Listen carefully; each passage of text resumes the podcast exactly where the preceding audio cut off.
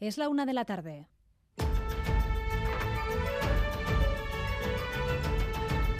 Crónica de Euskadi con María Cereceda. A Rachaldeón, la economía vasca está resistiendo mejor de lo esperado y el gobierno vasco mejora sus previsiones de crecimiento para este año. Se espera un crecimiento del 1,6%, es solo una décima más, pero viene precedida de al menos dos rebajas. Se espera además que el año que viene el empuje sea mayor también en el empleo. Estas previsiones son las que van a marcar los presupuestos del año que viene, cuyas líneas estratégicas se acaban de dar a conocer. Rodrigo Manero, a Rachaldeón. Sí, a Rachaldeón, el gobierno vasco es un poco más optimista sobre la marcha de la economía después de haber rebajado dos veces sus previsiones para este año, ahora la eleva una décima hasta el 1,6%. El consumo, las inversiones y el empleo están resistiendo mejor de lo esperado y el Departamento de Economía cree que entre este año y el que viene se crearán 27.000 empleos en Euskadi. Con estas bases, el consejero Pedro Azpiazu diseñará los presupuestos del 24 que van a ser los últimos de la legislatura y que tendrán entre sus prioridades Osakidecha, medidas para la juventud y los parados de larga duración.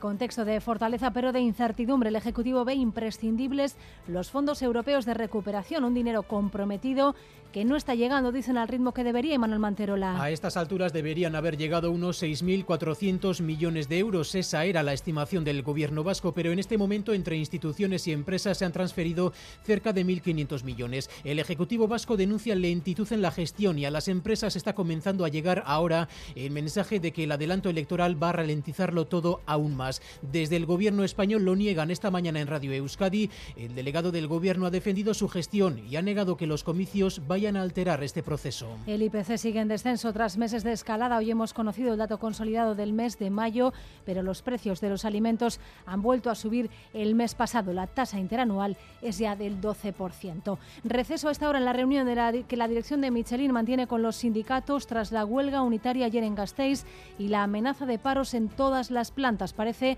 que hay un acercamiento de posturas. Ander López Lerena. Sí, tal y como ha comunicado el sindicato mayoritario Comisiones Obreras, la dirección de Michelin ha añadido a la oferta una prima no consolidable de 800 euros a la firma del convenio. Desde Comisiones Obreras reconocen la voluntad de la empresa de seguir negociando. No obstante, recuerdan que esa oferta solo responde a una de las reclamas de los trabajadores y que es insuficiente para llegar a un acuerdo. De momento, continúan convocadas las dos jornadas de huelga para los días 19 y 23 de junio. En estos momentos, como decías, receso para volver en un rato a la negociación.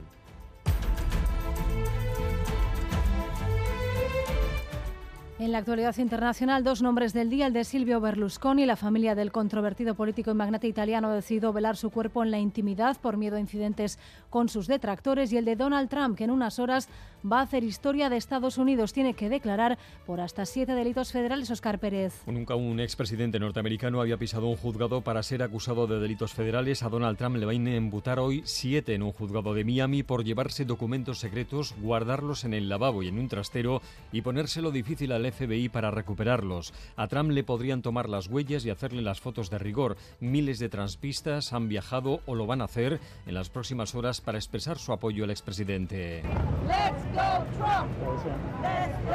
El ambiente es muy distinto en la mansión de los Berlusconi en Arcoria. Allí se encuentran los restos mortales del ex primer ministro que está siendo visitado esta mañana por los líderes del centro derecha italiano a la espera de que mañana se celebre el funeral de Estado en la Catedral de Milán. Además, estamos atentos a la muerte de tres personas en la ciudad inglesa de Nottingham. La policía investiga este triple asesinato ocurrido en diferentes puntos de la ciudad y el atropello de otras tres personas que han sido hospitalizadas. Hay una persona de 31 años detenida y se han acordonado algunas calles del centro de la ciudad sin que por el momento se hayan establecido las causas del suceso. Mientras aquí continúa en Euskadi y en Navarra el fenómeno de tormentas persistentes que llevamos registrando tanto en la costa como en el interior desde hace más de un mes. Euskalmet lo ubica hoy en la costa con previsión de que mañana sea un día de transición hacia un jueves y viernes con subida de temperaturas, Natalia Serrano. Sí, jueves y viernes estables, hoy tormentas en la costa, aún es pronto para saber en cualquier caso si esas tormentas volverán más tarde el fin de semana. Llevamos mes y medio con ellas,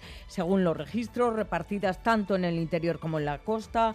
El responsable de Euskalmet, José Antonio Aranda, nos confirma no, no es normal.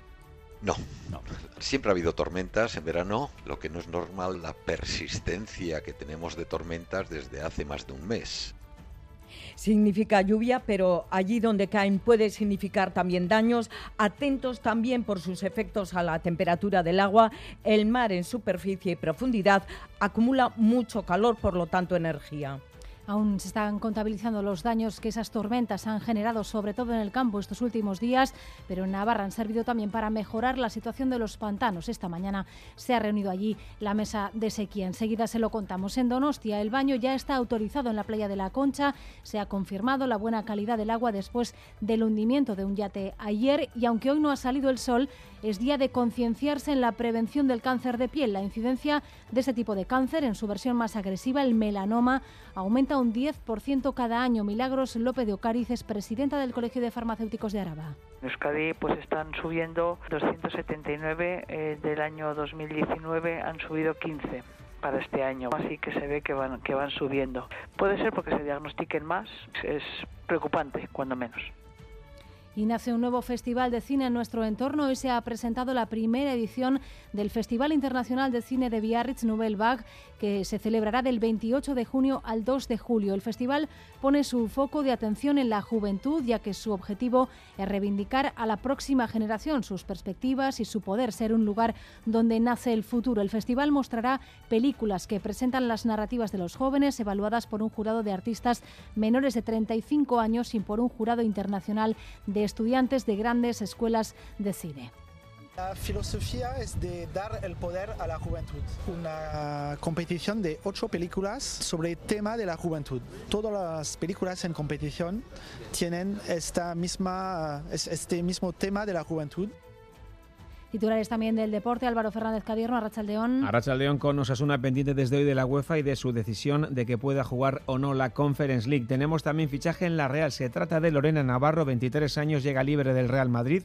En el Athletic no aceptan la oferta de renovación ni Ollana Hernández ni Ollana Valdezate y quienes sí han renovado por dos campañas más son Aitor Elordi, campeón del mano a mano con Aspe, e Imanol Álvarez, técnico del Superamara Vera Vera de balonmano. Ya les hemos dicho que vamos a seguir con tormentas esta tarde. Estamos en aviso amarillo hasta las 9 de la noche. Hasta ahora tenemos 22 grados en Bilbao, en Donostia y en Bayona, 21 en Iruña. 20 grados en Vitoria-Gasteiz, temperaturas también más bajas que estos días. Gracias por elegir un día más Radio Euskadi y Radio Vitoria para informarse. Raúl González y José Ignacio Revuelta están en la dirección técnica, Aitziber Bilbao en la coordinación. Crónica de Euskadi con María Cereceda.